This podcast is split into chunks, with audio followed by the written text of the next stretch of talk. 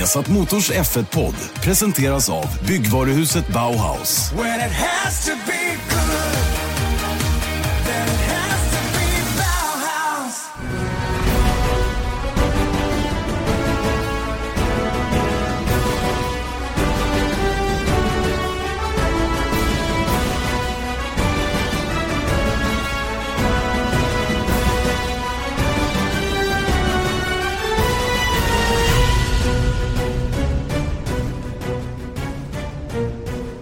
Mycket välkommen återigen till en härlig Formel 1-podd. Vi har satt Motors Formel 1-podd med Janne Blomqvist och Erik Stenborg eh, som eh, gör då den andra för året. Eh, en väldigt uppskattad podd förra veckan med Felix Rosenqvist som gäst. Den dröjde lite innan den kom ut. Det var ett antal tekniska mankemang men eh, man måste klara allt. Ah, livet är en utmaning brukar de säga ibland. Mm, det är det. Och det, det, jag tycker det är härligt för för mig, för det är du som får ta de där utmaningarna. Vi, du, man kan säga så här, vi, vi delar verkligen på ansvaret jag och Erik så att han är, kommer inte undan, verkligen inte. Va? Sen att jag tar själva redigeringsbiten, ja det kanske du är glad för, men jag är glad för att du sköter mycket annat. Så att det, det ja. jämnar ut sig i långa loppet. Jag är lite så innehållsansvarig, du är efterbearbetningsansvarig. Exakt, exakt Bra så är det. Exakt så är det. Det är en perfekt, eh, perfekt grej tycker jag. Det eh, roliga är att du har försökt lära mig att klippa också, för du försökte komma undan. Men jag har... Du var smart nog att inte lära dig. Jag är fruktansvärt motvillig att lära mig eh, nya tekniska grejer. För då vet jag att då får man bara hantera dem. Som till exempel i F1-produktionen på Viasat då. Då försöker alla tycka att vi, när vi får intervjuer så måste de översättas. Och det gör jag gärna. För det tycker jag är ganska kul med engelska och grammatik och sånt där. Men sen så nu så vill eh, din son bland annat, redigerarna, tycker att jag ska göra in dem i liksom de här textplattorna. Men då måste jag lära mig det, det systemet. Och de bara, det är hur lätt som helst. Jag bara, men gör det själv då. Mm, exakt, ja. här får du texten, varsågod. exakt. Ja, men det är helt rätt. De ska inte ha det så himla lätt där inne, det kan jag tycka. Det är någon, någon måtta får det vara. Det måste finnas en viss hierarki. Ett de visst är så skitjobb. unga också. Exakt, ett visst skitjobb ska neråt. Skiten ska jag, neråt. Exakt, jag har gjort mina hundår. ja, så är det. Du, jag känner igen det där resonemanget från killar jag brukar ha på vänster sida i kommentatorshytten. Han, han har lite samma attityd till nya grejer. Sådär. Det roliga är ju att när han började så var ju han ändå, han fick ju koppla in när han var, vi pratar om EIL då, då åkte ni runt med er egna kodek där som han behövde koppla in tekniskt själv och sånt där, för han var ensam på plats för du satt ju mycket mm. mer hemma på den tiden. Och nu så kommer jag ihåg hur glad han var när, när jag kom in och så började vi styra upp det där tekniska som någon annan, vi har en teknisk ansvarig på plats nu. Och då var han så himla glad och nöjd, men det var, jag tror att det här var 2010 kanske, 2011. Och då hyllade han mig i kanske tre race, men sen så glömde han bort det och tyckte att det nu är det här normalt liksom. Mm, så fick inte jag något, jag fick inga mer hyllningar.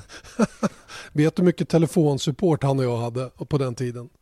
Jag vet, jag satt ju med, jag, mm. jag satt ju med då och gav dig post-it-lappar. Ja, just det. På TV4-tiden. Det var på TV4-tiden till och med. Och det var ett elände vet du, med, med förbindelsen med Nordamerika. Eh, vi använde ju på den tiden ISDN och det var ett annat protokoll som det kallas, då, en annan kodning eh, när man var på andra sidan Atlanten. Vet du. Man behövde byta något kort i den här maskinen och allt det där skulle jag sköta själv. Då. Så vi kunde mm. sitta i 6-7 timmar när vi fick det där att koppla upp. Då. Så att, ja, ja, så är det. Lite, Nya tider lite, lite från memory lane. Ehm, men eh, om vi ska vara lite mer konkreta då i dagens podd så eh, ska vi börja med tittarsiffror Erik. För eh, Formel 1 har ju, har ju släppt en rapport mm. om hur det har sett ut nu under 2017 och eh, jämfört det med året innan och, och, över en lite längre period dessutom. Jag hade en liten diskussion på min Facebook bland annat med en kille som, som var lite orolig över att siffrorna sjunker och att Formel 1 inte riktigt vill medge det då i sitt sätt att läsa den här statistiken. Och det här är ju alltid intressant med statistik att det går alltid att styrka sina påståenden med mm. vissa delar av det statistiska materialet, är det inte så? I allra högsta grad. Jag vet ju liksom under lång tid så var det liksom den gängse siffran som florerade runt då hur många som såg Formel 1 var 450 miljoner.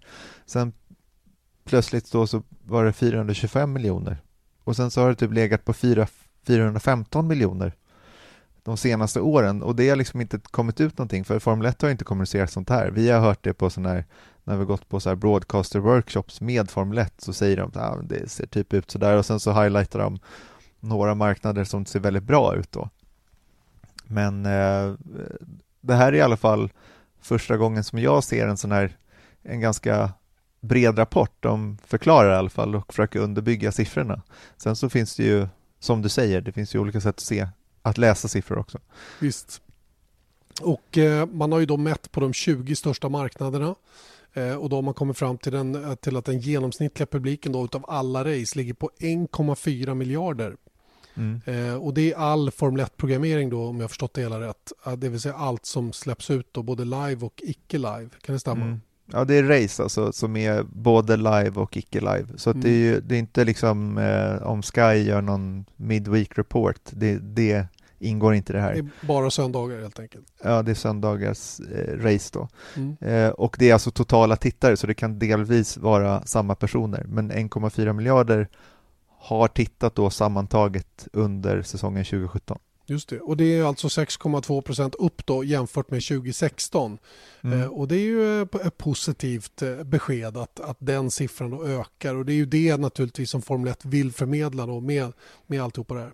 Sen mm. har vi då antal unika tittare under året, Erik. Ja, och där har, där har vi landat på 352,3 miljoner unika tittare under året.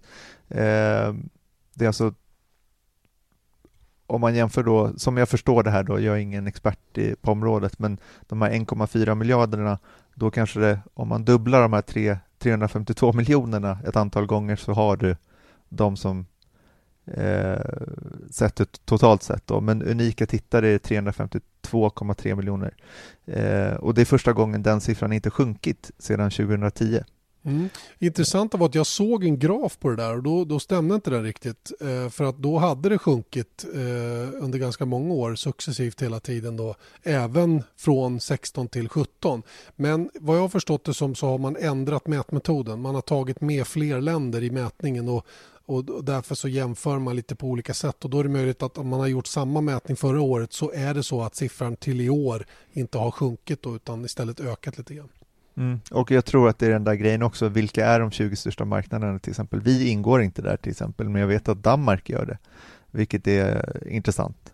För att hur kan de vara så stor? Men de har ju väldigt hög tittarandel också, så det, jag tror det är där som man kan börja liksom skruva lite siffror också, om man nu skulle vilja det. Um, ha, och um, var, var i världen växer det mest då? Ja, den största ökande marknaden uh, är i Mexiko, vilket är eh, ganska intressant. Det är väl Perez-effekten kan man, kan man tänka sig. Men där har man alltså gått upp 22,6 procent mer än 2016. Så mm. det är mm. såklart att det är en viktig marknad. Sen så, som sagt, man vet inte heller vad, vad utgick de ifrån till exempel, men, men de har i alla fall ökat väldigt bra.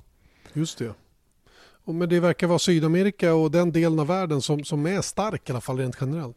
Ja, och det här tycker jag är väldigt, väldigt intressant. Att om man tittar då på 352,3 miljoner som sagt, Brasilien, trots att de hade en minskning i år på 1,8 procent, är det den största marknaden med 76 miljoner tittare. Wow, helt otroligt mycket. Ja, det är ju ja, typ en femtedel av alla som tittar på Formel 1 ja. i Brasilien. Och det, och det, och det, jag trodde absolut att den största marknaden var i Asien någonstans, att de flesta antal tittarna fanns där borta. Men det är alltså Brasilien som, som gäller. Mm. Och det här är då lite intressant i flera aspekter då, om man tittar då på ett 2018. Det kommer bli det första året sedan 1970 som vi inte har en brasiliansk förare på griden. Mm. Vet du vem, Ja, exakt. Ja, just det. Just det. Emerson Fittipaldi var den som debuterade 1970 då och, eh, och, och sen dess har det alltså alltid varit en brasse på griden. Det är helt otroligt ju. Mm. Och jag tror att det där sträcker sig längre tillbaka ändå, men då har det inte varit någon permanent förare utan de har kört ett antal race åtminstone. Men, men eh, eh så det var ju brasilianare i Formel 1 sedan ja, 50-talet gissar jag någon gång det, det, säger, det, här säger ju mig en sak. Jag förstår ju då varför Björn Eckeston har varit så angelägen om att det ska köras, att det ska vara brasilianare på griden, nummer ett.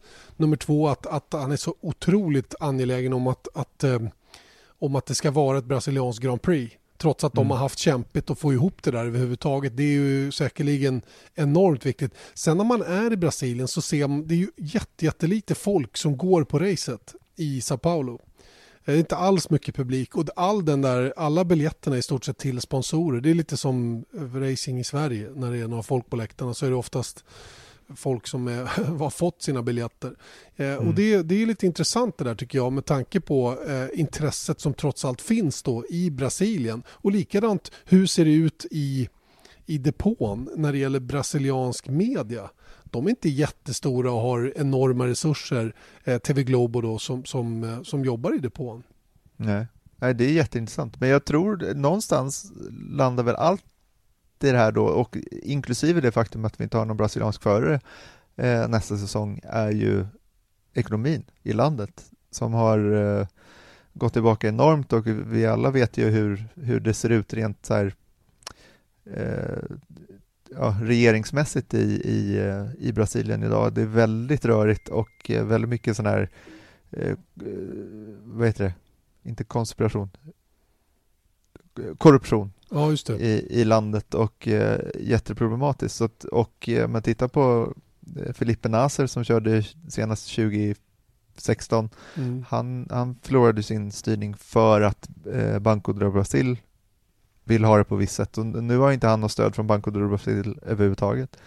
Eh, Felipe Massa hade ju, jag menar det är som Felix Rosenqvist sa förra veckan, eh, att jag tror inte att man har, förstår hur bra jobb Massa faktiskt gjorde i, eh, under 2017.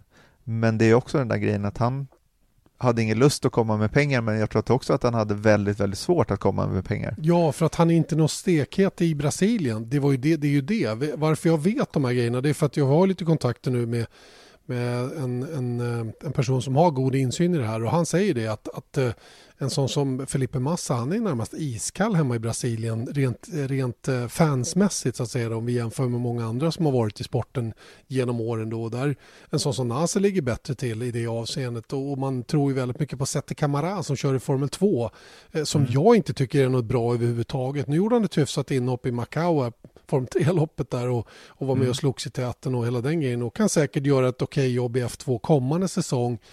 Men, men det, det känns fattigt rent allmänt bakom de här stjärnorna som har funnits i Formel 1 nu och, och Brasilien har det tufft med, med återväxten. Mm. Och jag tror att eh, förutom då Sette Camara i F2 då så har vi ju Pietro Fittipaldi. Jag tror att han är systerson eller någonting så här till, till Emerson. Eh, han testade för Porsche i Bahrain, alltså i VEC. Eh, och Porsche det- som det drar sig ur. Exakt, det blir ju ingenting av det då, men han säkrade Formula V8, alltså det gamla World Series by Renault eh, och han vann det mästerskapet i Bahrain då och då fick han det här testet av, eh, av Porsche. Men eh, han är väldigt långt borta. Båda, båda de två ser jag som väldigt långt borta från Formel 1. Mm. Eh, Du var inne på det här med Felipe Nasr att, det- att eh, Banco do Brasil inte fick det som de ville. Det var ju faktiskt så att, att ehm, banken och eh, Petrobras ville ju göra en gemensam laddning på Felipe Nasr inför 2017 i Formel 1. Men då strulade de till det lite grann i Nasers management istället då och såg till att de här sponsorerna inte riktigt fick det de ville. För det, jag tror att du pratar om korruption. Jag tror att det är väldigt mycket att man skär emellan. Mm. Eh, var det, inte, det gick ju sådana rykten om Maldonado att han snodde ju 15-20% av alla sponsormiljoner som han fick ifrån, ifrån eh, eh, venezuelanska oljeföretaget där eh, som han skulle ha själv innan några pengar nådde något Formel 1-team överhuvudtaget.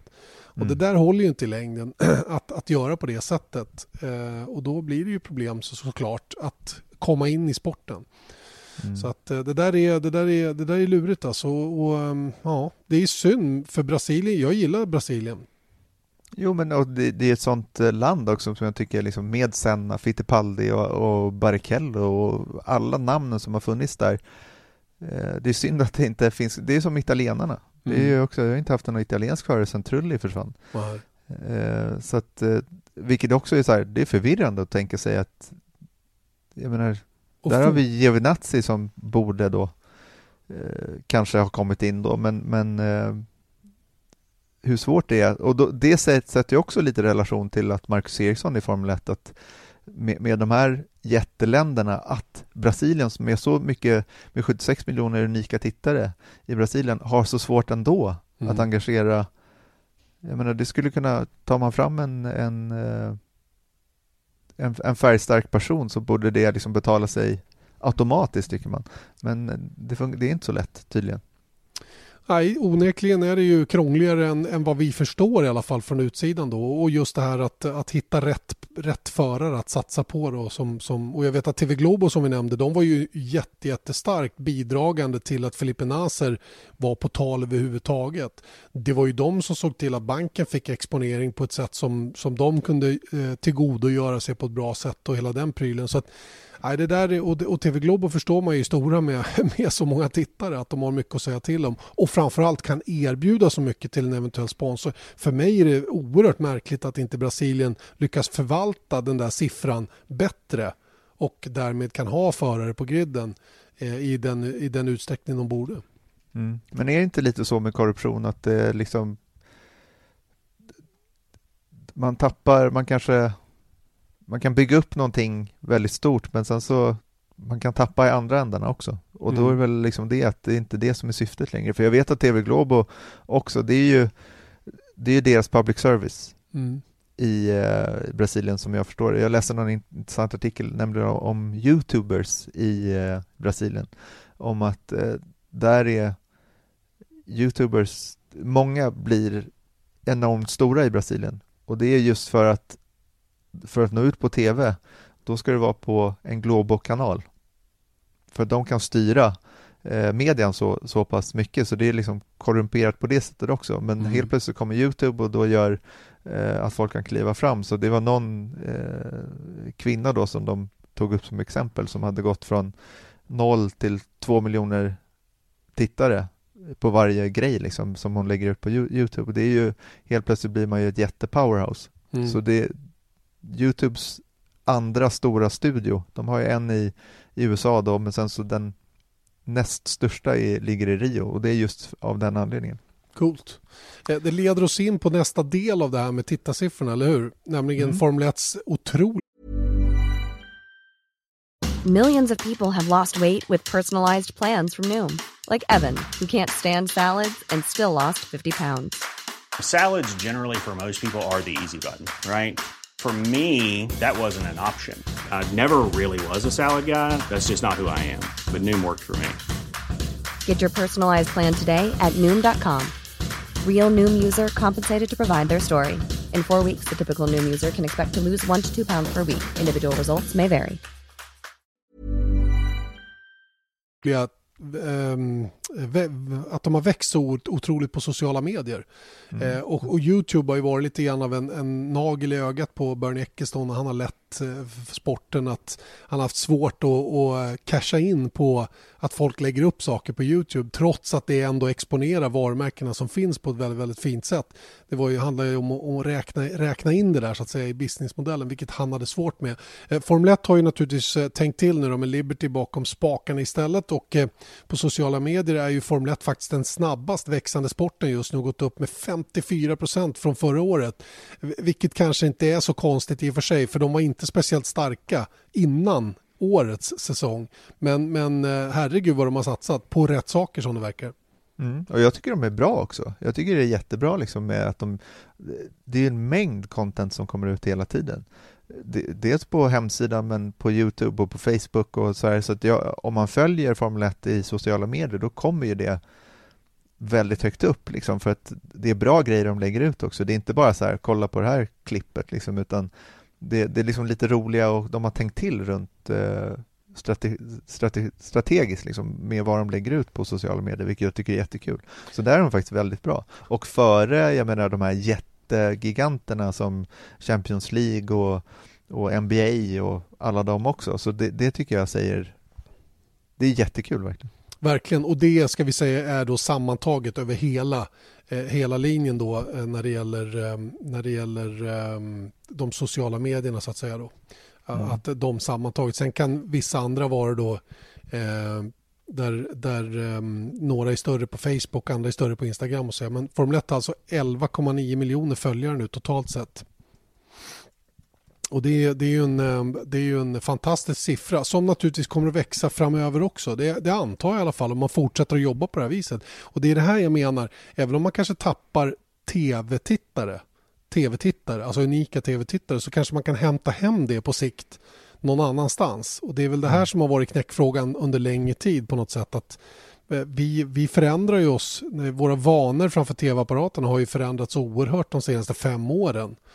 Många har inte ens vanlig tv-signal in i huset utan strömmar allting och, och då, då hänger man inte med i de här tv-mätningssiffrorna överhuvudtaget. Antar jag i alla fall. Nej, det tror jag verkligen. Och sen så framförallt så kan man ju börja tjäna pengar, bra pengar på Youtube också om man får, får upp det. Jag menar, kolla på sådana som Pewdiepie, han är ju liksom miljonär, han plockar ju hem miljoner varenda år eh, på att lägga ut si, sina eh, klipp. Liksom. Så att eh, jag tror att eh, även om det inte är huvudsyftet för Formel 1 att eh, tjäna pengar på Youtube så är det ändå, jag menar det är så otroligt stark plattform, du kan inte vara någon annanstans. Du måste vara på Youtube för att synas. Så är det och eh, där finns ju Formel 1 också numera. De har ju en egen Youtube-kanal. De har ju varit väldigt så restriktiva med vem som får lägga upp grejer och där har man väl släppt på det. Det som hände under, under förra året också var ju att teamen fick möjlighet att använda sociala medier på ett helt nytt sätt än vad man har fått tillåtelse till tidigare. Man kunde visa rörliga bilder inifrån depån.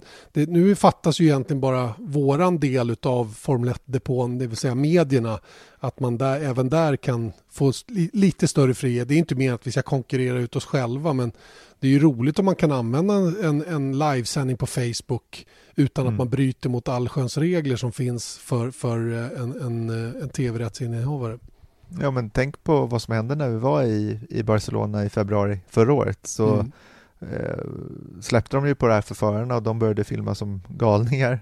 Eh, och tänk dig det, att teamen fick inte lägga ut rörligt material i förra året. Ja. Menar, de, de, fick inte filma sin bil när den åkte ut utan det var, för det inkräktade på, på egentligen våra rättigheter, alltså alla tv-bolagens. Vilket var intressant för när jag var på den här broadcaster-workshopen i fjol i London då som är varje år, jag ska åka i slutet av januari nu. Eh, då var det, jag trodde så här, men så som jag såg det, bara släpp det där. Kör på bara. Men det var väldigt många, vet, tyskarna, de var jätteemot det här att de skulle, att teamen skulle få filma själva. För att då var det liksom, de menade att det var de som satt på musiken, det var de som kunde förmedla det här eh, och, och, visa liksom insidan av Formel 1. Men det är ett oerhört gammalt sätt att se på det tycker verkligen, jag. Verkligen. Ja, det, det, det, man, man, tror ju inte sig. När man har sett utvecklingen som har skett under 17 så förstår man inte vad det var som pågick egentligen innan dess. Nej. Och nu har till och med Kimi Räikkönen Instagram. Ja, herregud, det händer grejer i världen. Kimi Räikkönen har kommit på Instagram. Jag undrar hur mycket han är orkestrat bara över det här Instagram, Instagramkontot. Han förekommer ju på bilderna, men det, han har ju någon som han har anlitat för att sköta det det är inte riktigt lika privat som till exempel Lewis Hamilton som vi ska komma till också alldeles strax. Eh, det känns i alla fall som att eh, Kimi det, det roliga är att han gör raka motsatsen till Lewis Hamilton. Han hoppar mm. på nu, sent mm. om sidor. Eh, samtidigt som Hamilton verkar köra någon bojkott mot de sociala medierna. Och det är ju sin egen lilla historia bakom. Mm, men sen så tror jag att det har varit så, jag vet inte om de har, det, alltså uppenbarligen har de släppt på det, men det har varit att Ferrari har ju inte velat att förarna ska ha sociala medier. De ja, har blockat det tidigare. Sen så tror jag att eh, sett till både Kimi och, och eh, Fettel så är inte de sociala medier killarna nummer ett i Formel 1, men nej, jag vet nej. att det har varit det tidigare. Och jag vet att, eh, var inte Alonso, jag tror inte att han hade sociala medier när han körde Ferrari. Jag tror det började komma när han, började, när han gick över till McLaren. Ja, samtidigt växte väl det oerhört just under den perioden när han gick ifrån det ena till det andra. Va? Men, men jag håller med dig, Fettel, Fettel figurerar han överhuvudtaget på sociala medier? Nej, nej. Jag tror inte det. Va? Han har inget officiellt konto. Jag vet att det finns någonting som slaskar runt sådär. Va? Men inget, inget sådär som man lyfter fram sig själv på i alla fall. Nej. Så som till exempel Lewis Hamilton. Då ska vi komma in på Hamilton då. Som, som har dödat varenda bild han hade på Instagram till exempel från 2017. Mm. Och det här, det här eh, är ju baserat i någonting som han gjorde då under jul, julledigheten ledigheten då när han ihop med släkten firade lite grann och naturligtvis då tryckte på inspelningsknappen i sitt liveflöde på Instagram och, och råkade då säga att pojkar ska väl inte ha klänning till en av sina syskonbarn. Eh, ja, eller vad det nu är. Ja, jag kommer inte ihåg. Nephew, jag vet inte vem, vems, det, vems det är så att säga. Va? Men, men eh, det var en liten pojke där som var klädd i klänning och Hamilton skojade med honom och sa, vad har du på dig? Vadå, pojkar har väl inte klänning? Ungefär så uttryckte han sig. Mm. Och eh, det var inte så begåvat i, i dagens eh, mediaklimat rent allmänt. Rent av puckat skulle man kunna säga när man har 6,5 miljoner följare.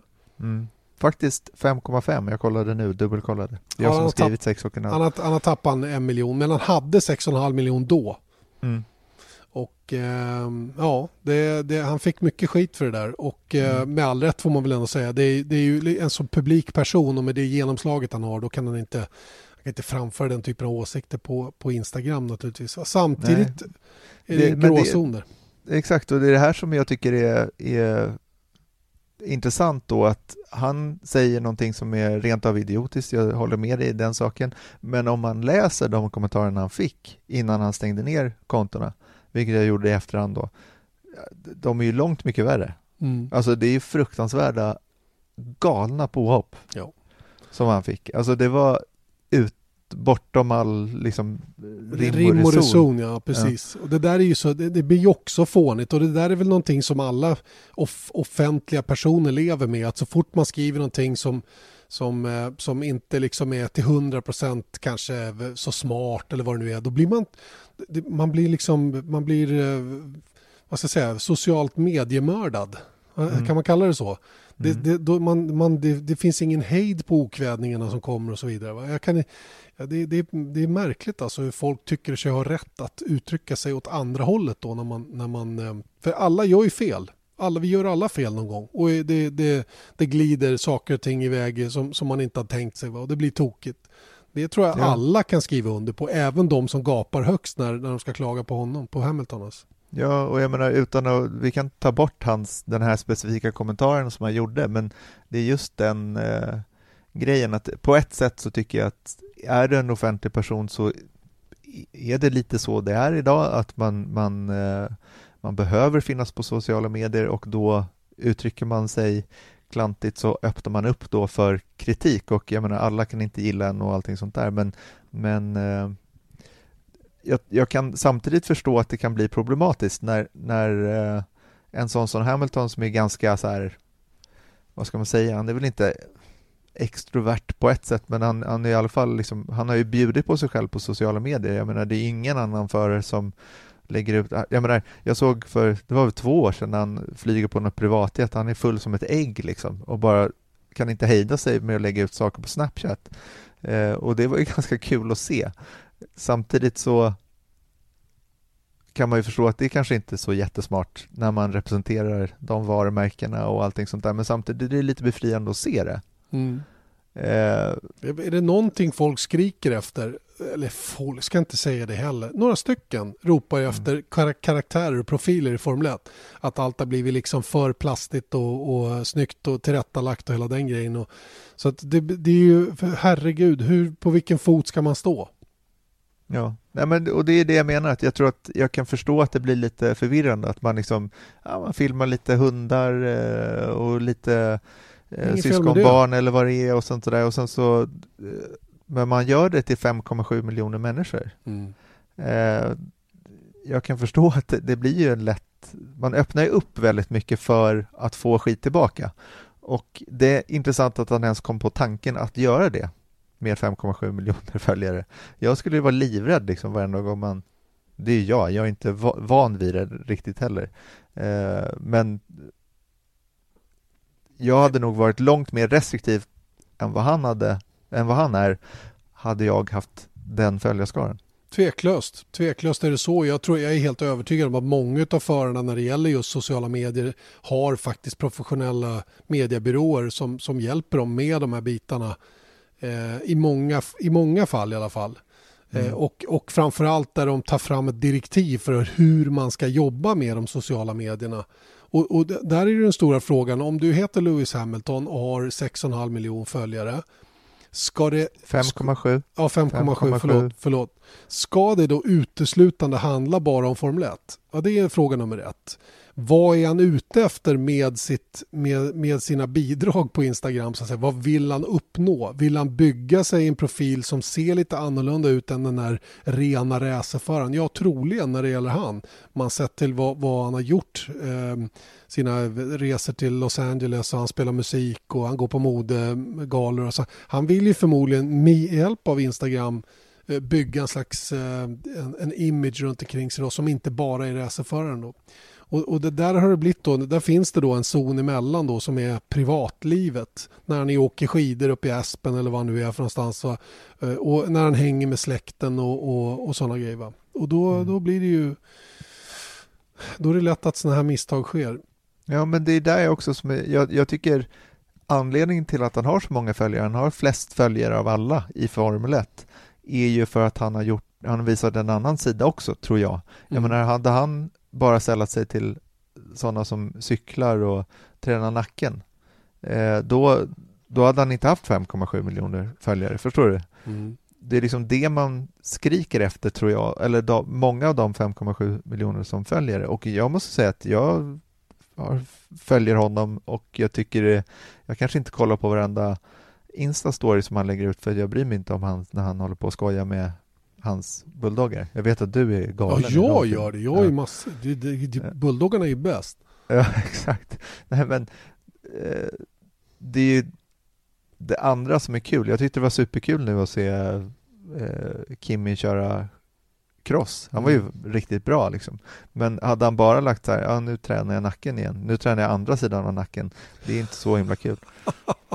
Nej, speciellt som man hatar att träna själv. Ja.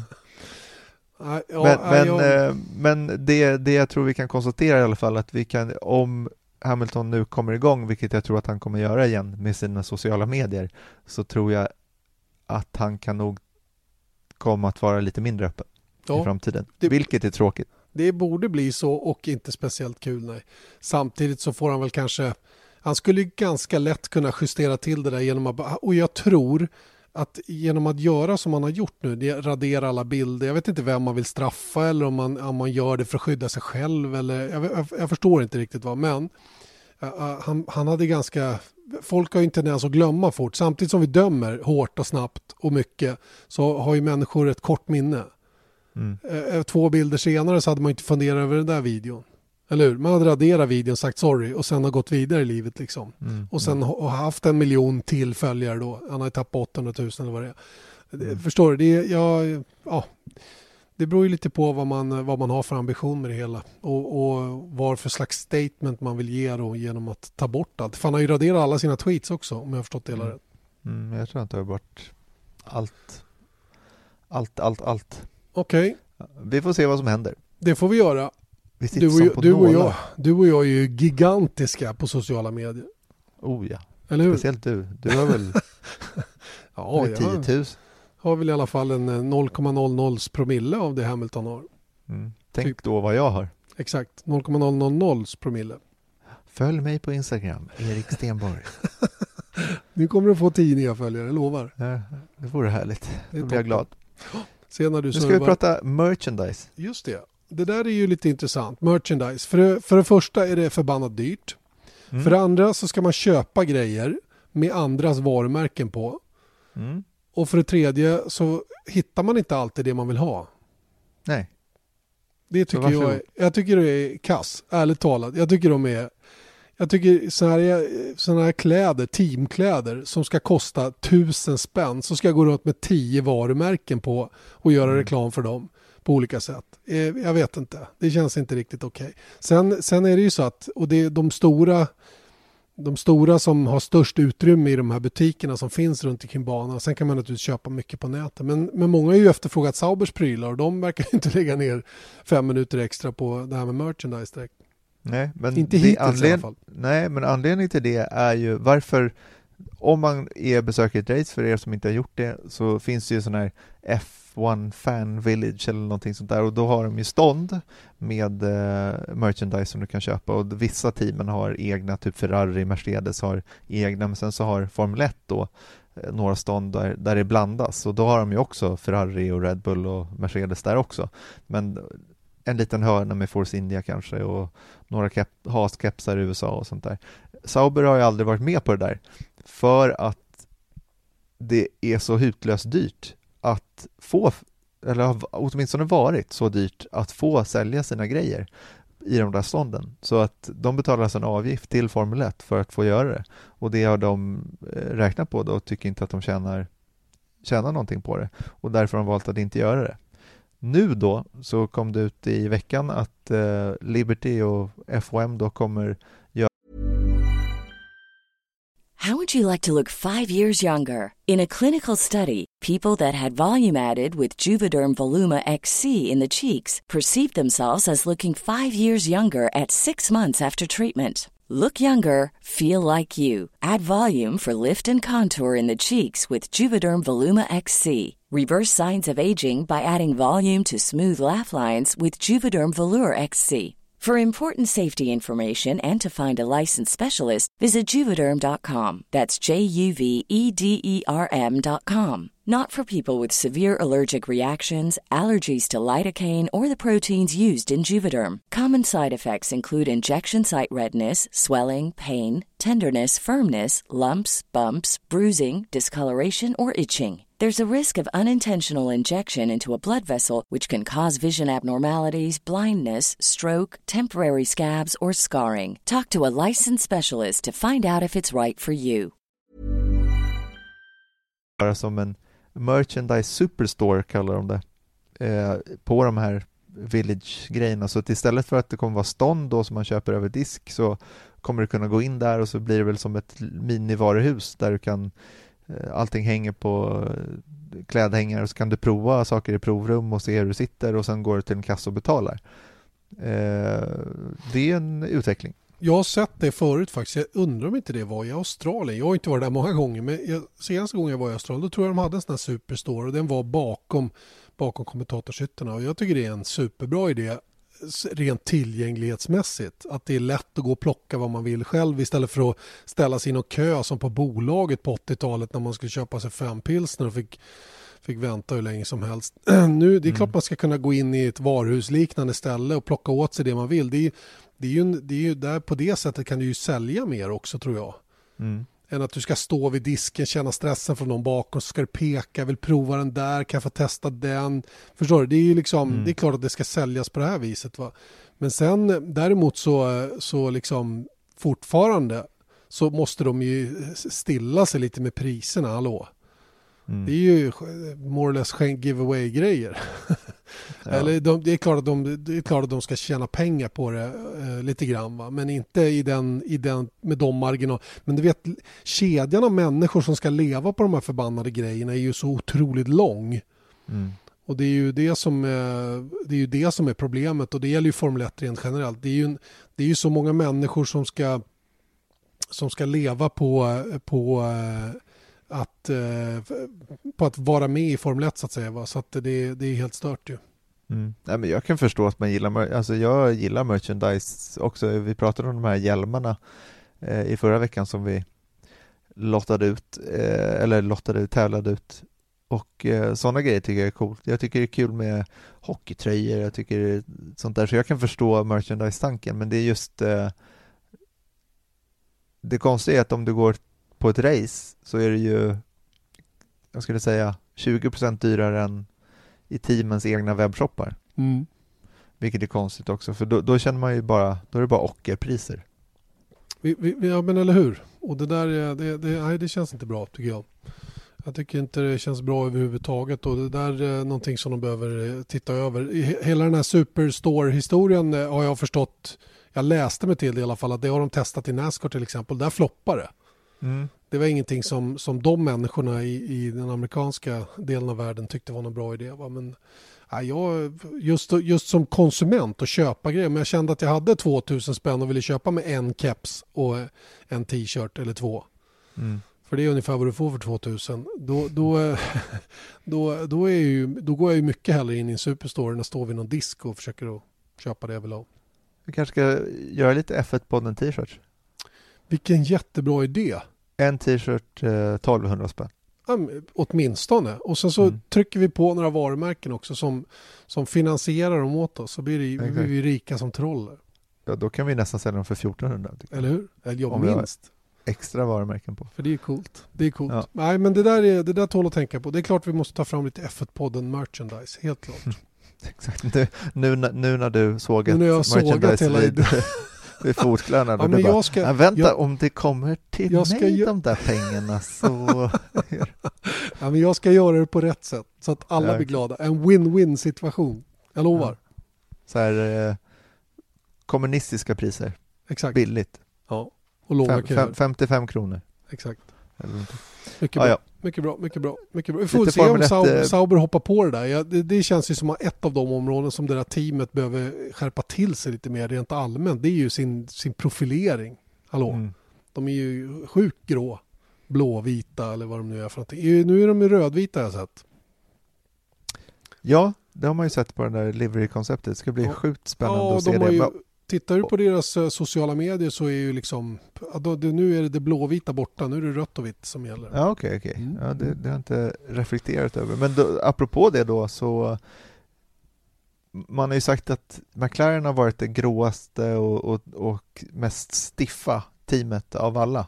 Mm. Men jag tycker kanske Sauber aspirerar på den platsen också för det är bara så här det är bara, det, det, de har ju sett likadana ut hur länge som helst. Nu mm. gjorde de en snygg livery tycker jag till 2017 men, men i övrigt så var det ganska utseendemässigt så har det sett tråkigt ut, sett gammalt ut inne i garagen och sådär. Men McLaren, Zac Brown, teamchefen, har sagt att McLaren kommer vara de som höjer på många ögonbryn i Australien. För då ska de släppa sin nya look.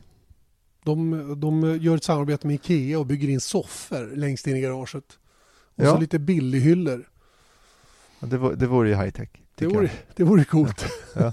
Nej, men det, det, som Zac Brown har sagt är att uh, han tycker liksom när, när, han utifrån, han är ju marketinggeni, uh, uh, så att jag kan förstå att han, att han tänker på det här sättet, men han, han berättade det i Autosport, tror jag, en artikel där han går runt i, i depån då så tittar han in i alla garagen och han tycker att eh, McLarens garage ser exakt likadant ut som alla andra.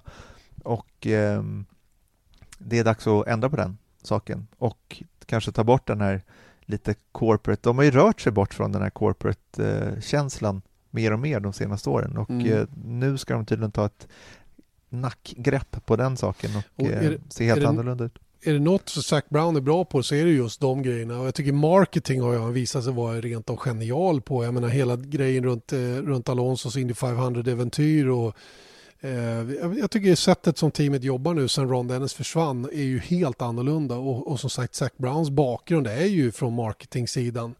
Så att det, det är klart att eh, de kommer, att göra, de kommer att fortsätta göra framsteg på det området. Trots att de fortsätter att köra utan title sponsor. Det är lite intressant med McLaren mm. att de har så svårt att, att få någon som vill betala det de tycker att de är värda. Mm. För det är väl det som är knäckfrågan. Jag tror inte alls att det är så svårt att få en title sponsor egentligen.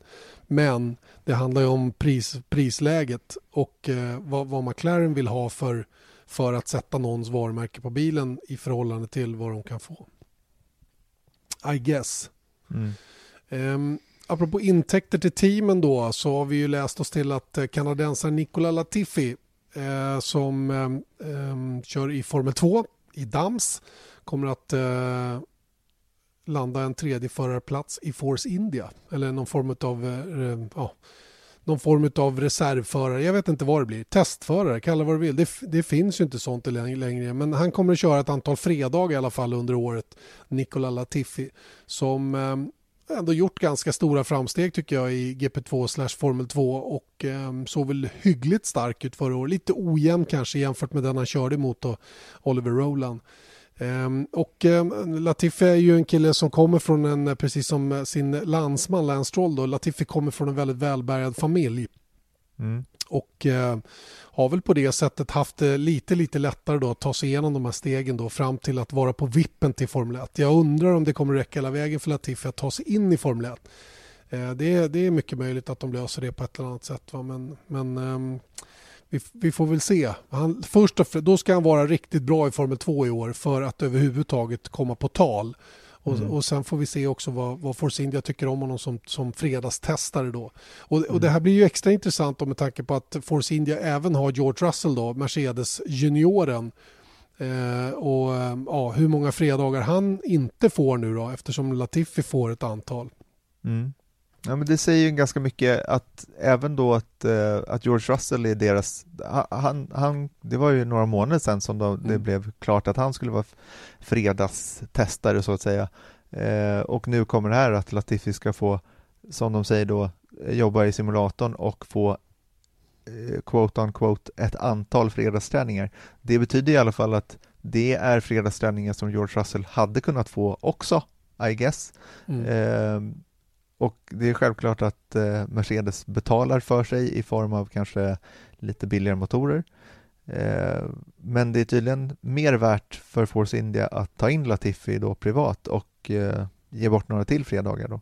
Ja, om inte det stör dealen de har med Mercedes allt för mycket. För de har ju redan en Mercedes junior i teamet så att mm. det kanske är så att Russell hänger med lite på bananskal och då, då får han stå åt sidan lite grann för att Ocon finns ju som sagt redan hos Force India då för att liksom öka på budgeten lite grann för det är ju det det här handlar om. Eh, så, får, så köper man in Latifi helt enkelt för ett antal fredagar under, under 2018 och mm. Eh, ger ju honom chansen att köra in sig lite mer Eh, på Formel 1. Han har ju varit lite och testat med Renault bland annat och sådär och haft Renault-backning tidigare men den släpper han nu uppenbarligen då och mm. eh, ser till att eh, vara mer inkluderad då med, med Force India och Mercedes. Mercedes har för övrigt kollat lite grann på det här som Ferrari har gjort nu då, konceptet med, eh, med eh, Alfa Romeo och Sauber och som kanske också kan bli aktuellt för Haas, Erik, med, med, med deras öppning lite grann då för att bli rebrandade då så att säga, eller få, ett mm. annat, få ett annat märke på sig, då, nämligen Maserati som också då är kopplade till Ferrari eller, eller FCA. Då. Mm. Och, Fiat eh, Chrysler. exakt, det här kom ut i veckan också. Det var Günther Steiner som sa att men det är klart att eh, egentligen så öppnar han inte upp någonting utan han säger, eller han säger helt enkelt så här att eh, ingen har frågat oss, vi har inte diskuterat det överhuvudtaget men det är klart att vi skulle snacka om det om det fanns intresse från någon att branda om oss, som till exempel Maserati.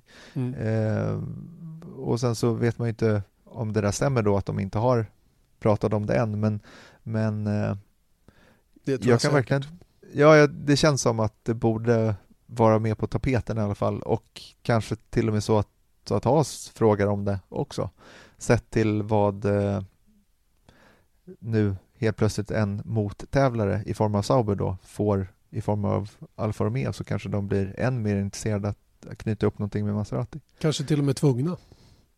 Så kan det vara. För att, hänga, för att hänga med menar jag. Inte för att de måste göra det för Ferrari kräver det utan mer för att det ger dem så pass stora fördelar så att säga. Men det kommer ju motkrav från andra hållet och hittills har ju Haas själva bestämt vilka som ska köra bilarna och det kommer de inte kunna göra i en sån deal helt och inte till 100 procent i alla fall.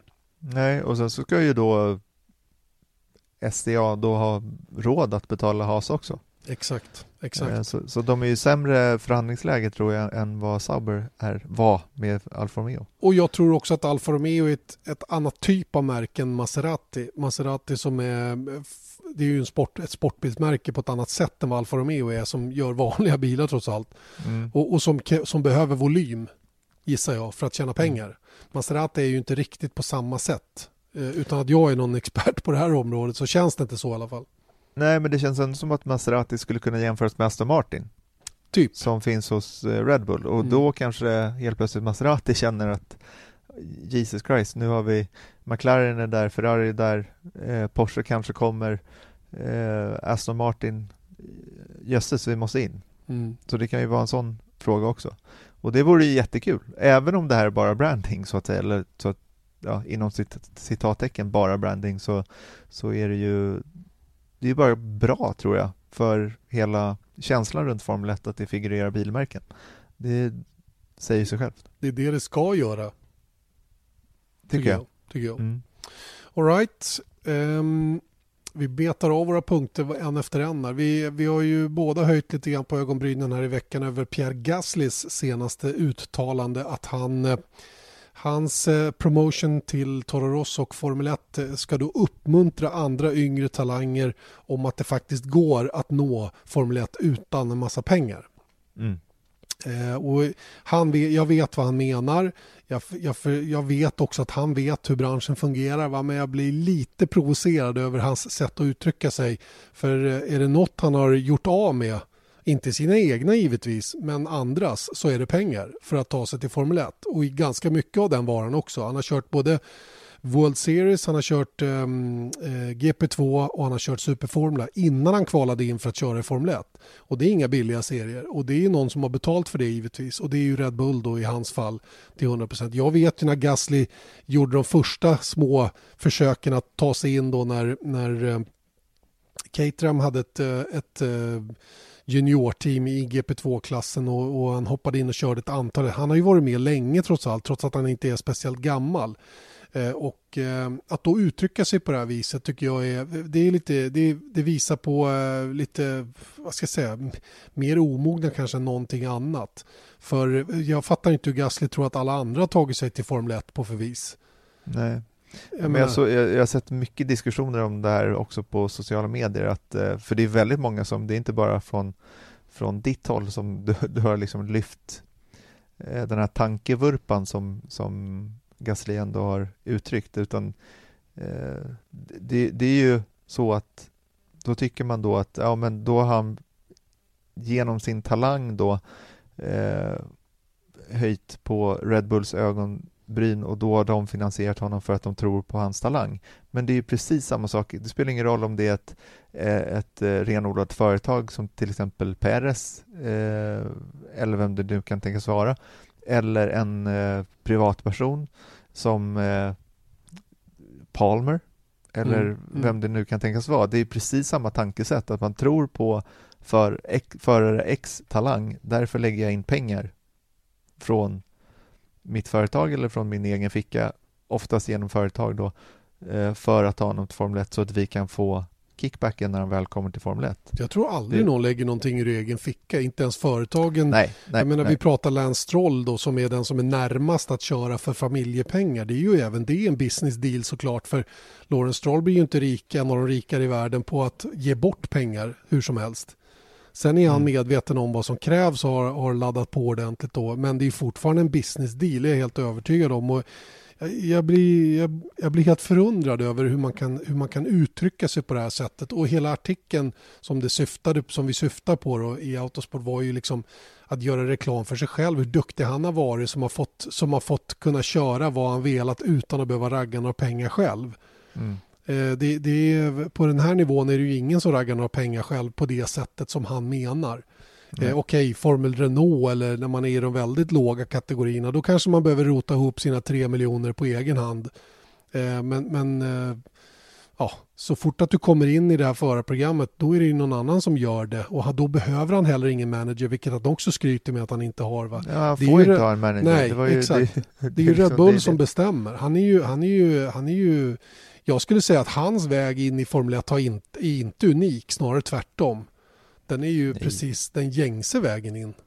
Ja, men det är ju Jules Bianchi, Daniel Ricciardo, det är mm. liksom... Mm. Det, det, Alla. Man kan fortsätta.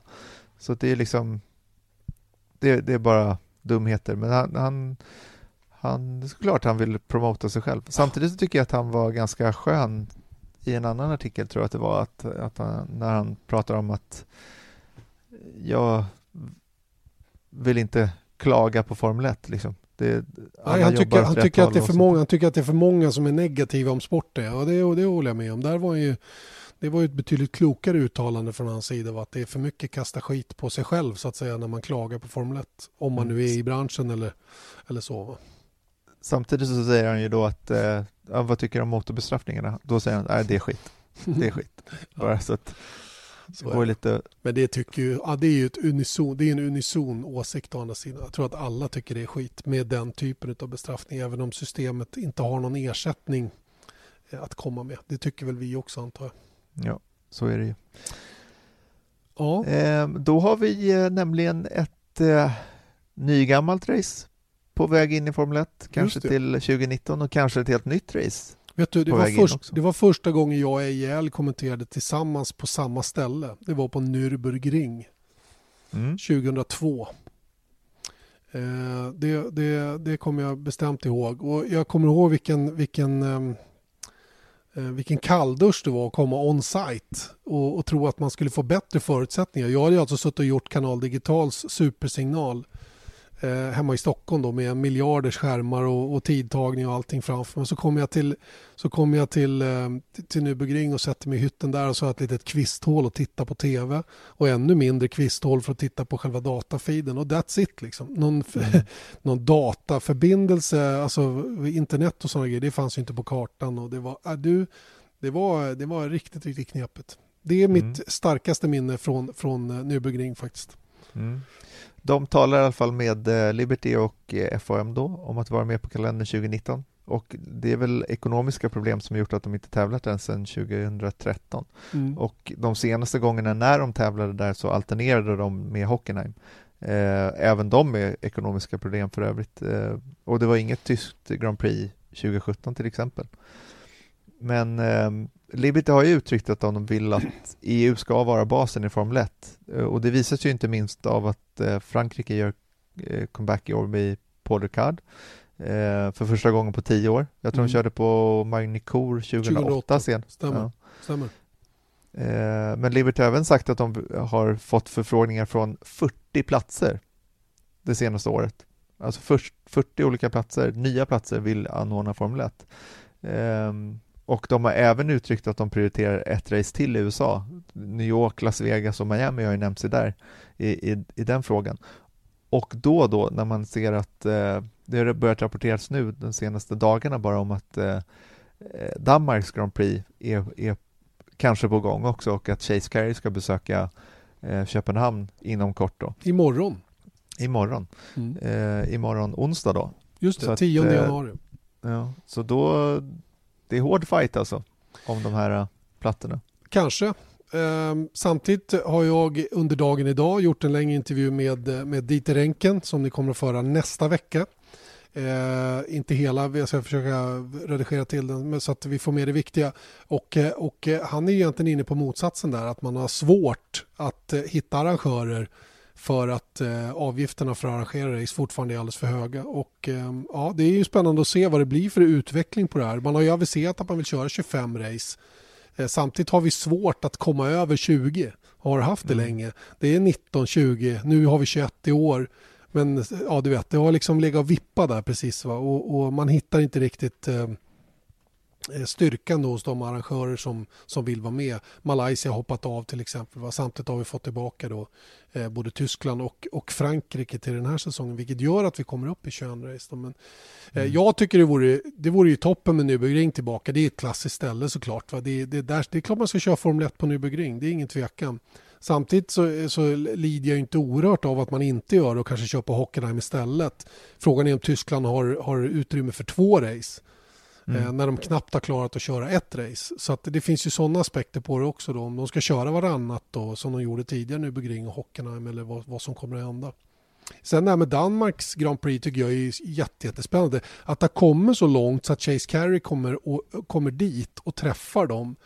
Det tycker jag är, är det är ändå ett stort, stort steg. Ett större steg än, än någon annan uppe i Norden har lyckats med tidigare.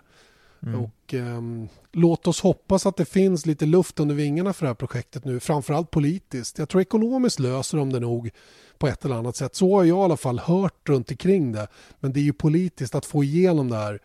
Eh, att få tillstånden för att köra racet med allt vad det innebär för, för staden Köpenhamn och hela den grejen. Men för regionen, Sverige, Danmark, eh, Norge eh, och länderna på andra sidan, Tyskland och, och Belgien och, och så här. Det, det finns ju en enorm yta av människor som skulle kunna komma dit och kolla racet i alla fall. Ja, verkligen. Och jag menar, eh, ja men tyskarna också. Det, det skulle mm. väl tala emot om det skulle vara två race i Tyskland och ett i Danmark. Då är det väldigt nära varandra. Verkligen. Men eh, det, jag tror inte att det är på tapeten kanske att de ska ha eh, två race i Tyskland. Inte 2019 i alla fall. Nej, nej. Och jag menar Danmarks GP kanske är lite tajt in på redan 2019. Ja, det, eh, det är ju lite sådana grejer och det, ska ju liksom, det är ju det är en logistisk eh, mardröm det där att få till och bygga en stadsbana och hela den grejen. För det är ju det det är tal om då inne i Köpenhamn. Mm. Men det hade varit eh, otroligt roligt. Tveklöst. Ska Scandinavian Grand Prix. verkligen. Det vore toppen. Um, ja, vi får se vad som kommer att hända då. Vi har försökt förhöra oss lite grann om vi kunde i Danmark då få reda på lite mer men det var inte så lätt. Det var inte alla som hade den insynen som vi, som vi krävde i det hela. Jag tror att man håller ganska hårt om korten där också för att inte avslöja någonting i förväg eller ge falska förhoppningar eller vad det nu kan vara. Mm. Um, avslutningsvis då Erik, um, Jean Tott är inne på att det ska vara någon form av global motor som ska användas. Så det här är inget nytt för där kommer jag ihåg man, man uh, eh, när man började prata om den 1,6 liters motorn som, som idag sitter i Formel 1. Det var ju från början tänkt att vara en, en fyrcylindrig motor och, och, ett block som skulle vara standardiserat. Som mm. skulle vara samma i rally och annat racing. Man skulle köra ett 1600, en 1600 motor helt enkelt. Och sen skulle den ha olika output då, beroende på hur, hur man byggde ihop den i övrigt. Då, så att säga. Och eh, Tott är väl inne på den idén fortfarande om jag förstått det hela rätt. Ja, han är ju det. Att det skulle då kunna inte i alla serier såklart, men liksom i där man jag tror att mycket av det här grundar sig i hybridtekniken, att, man, att den är väldigt dyr och då måste man eh, titta på sättet att, men den krävs fortfarande i eh, dagsläget med tanke på hur bilindustrin går. Då vill man ha kvar hybridteknik, men att man då skulle kunna standardisera vissa delar då som används i eh, till exempel Formel 1, eh, väck och eh, jag vet inte, Indycar eller vad det skulle tänkas vara.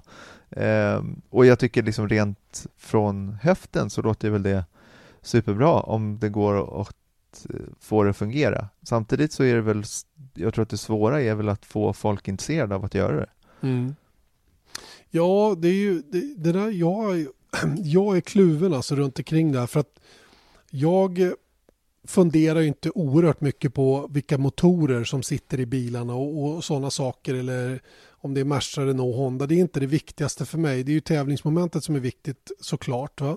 I, i första hand. Och vad, vad, är det som egentligen hindrar att man kör samma typ av motor i en, i en tung eller en tyngre sportvagn på Le Mans och använder exakt samma typ av motor i Formel 1. Jag menar den här gamla Cosworth-motorn eh, som användes eh, i princip av alla på 70-talet mm. och en bit in på 80-talet med.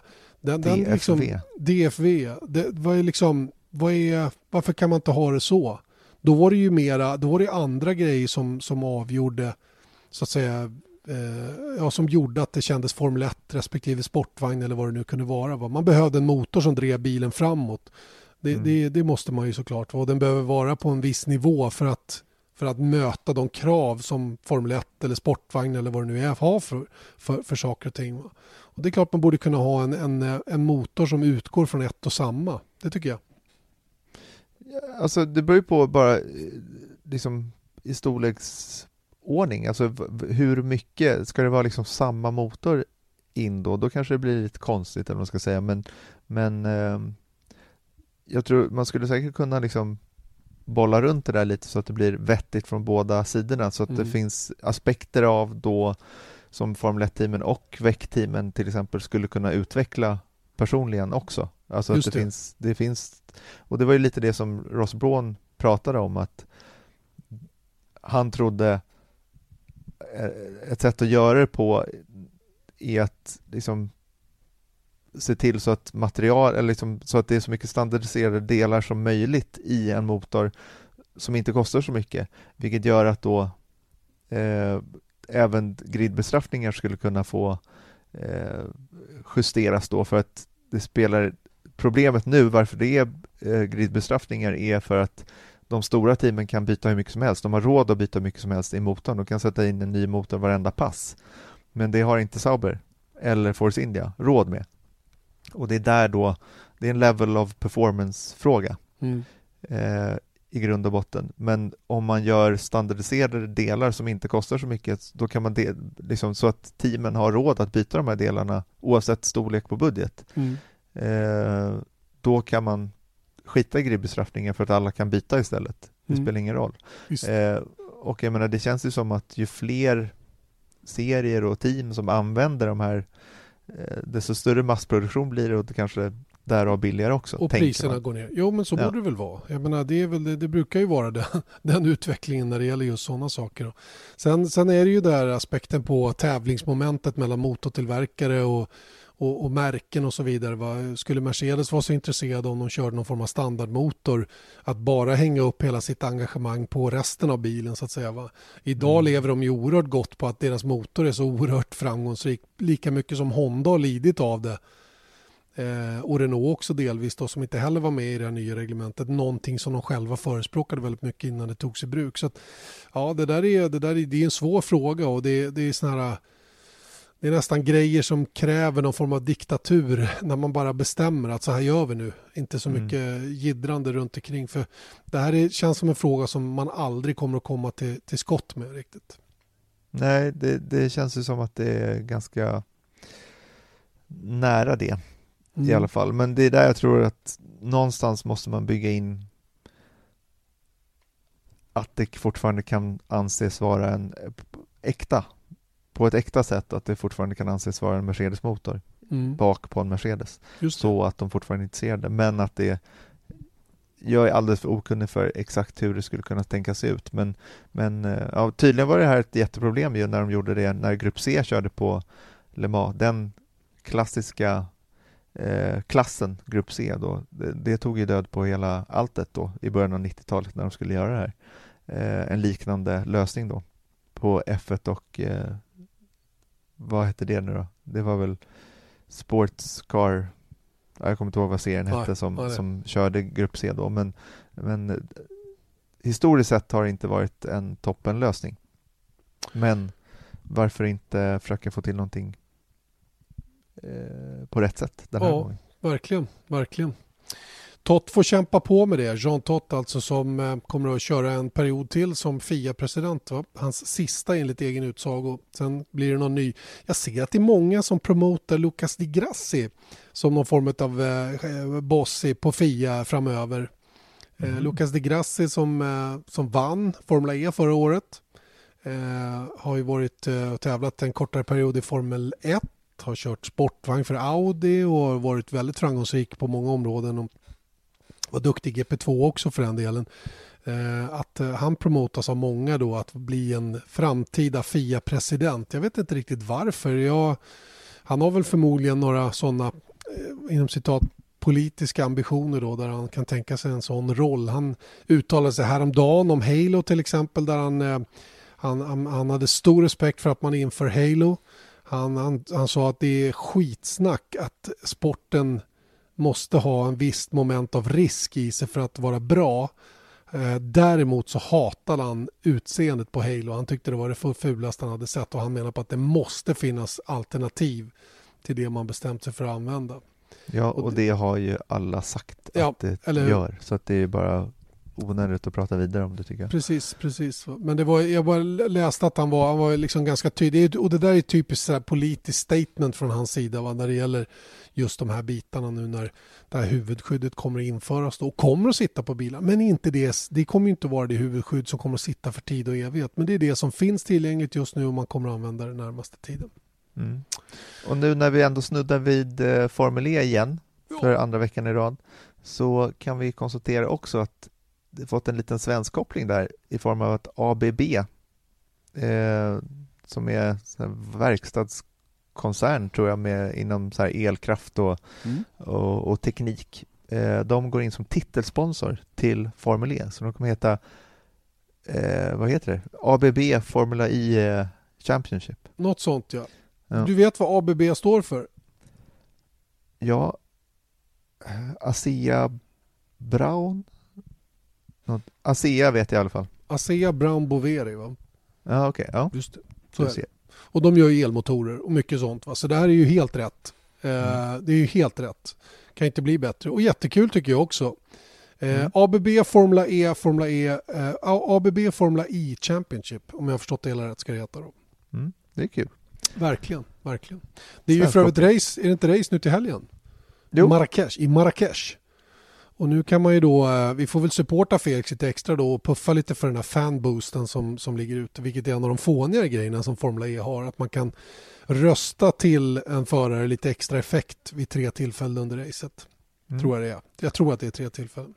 Jag är inte helt påläst, men så är det i alla fall. Och eh, ju mer man röstar då, ju högre upp kommer man då. Så får man den här så kallade fanboost, vilket då går till tre stycken förare i startfältet. Perfekt. Ge det till Felix.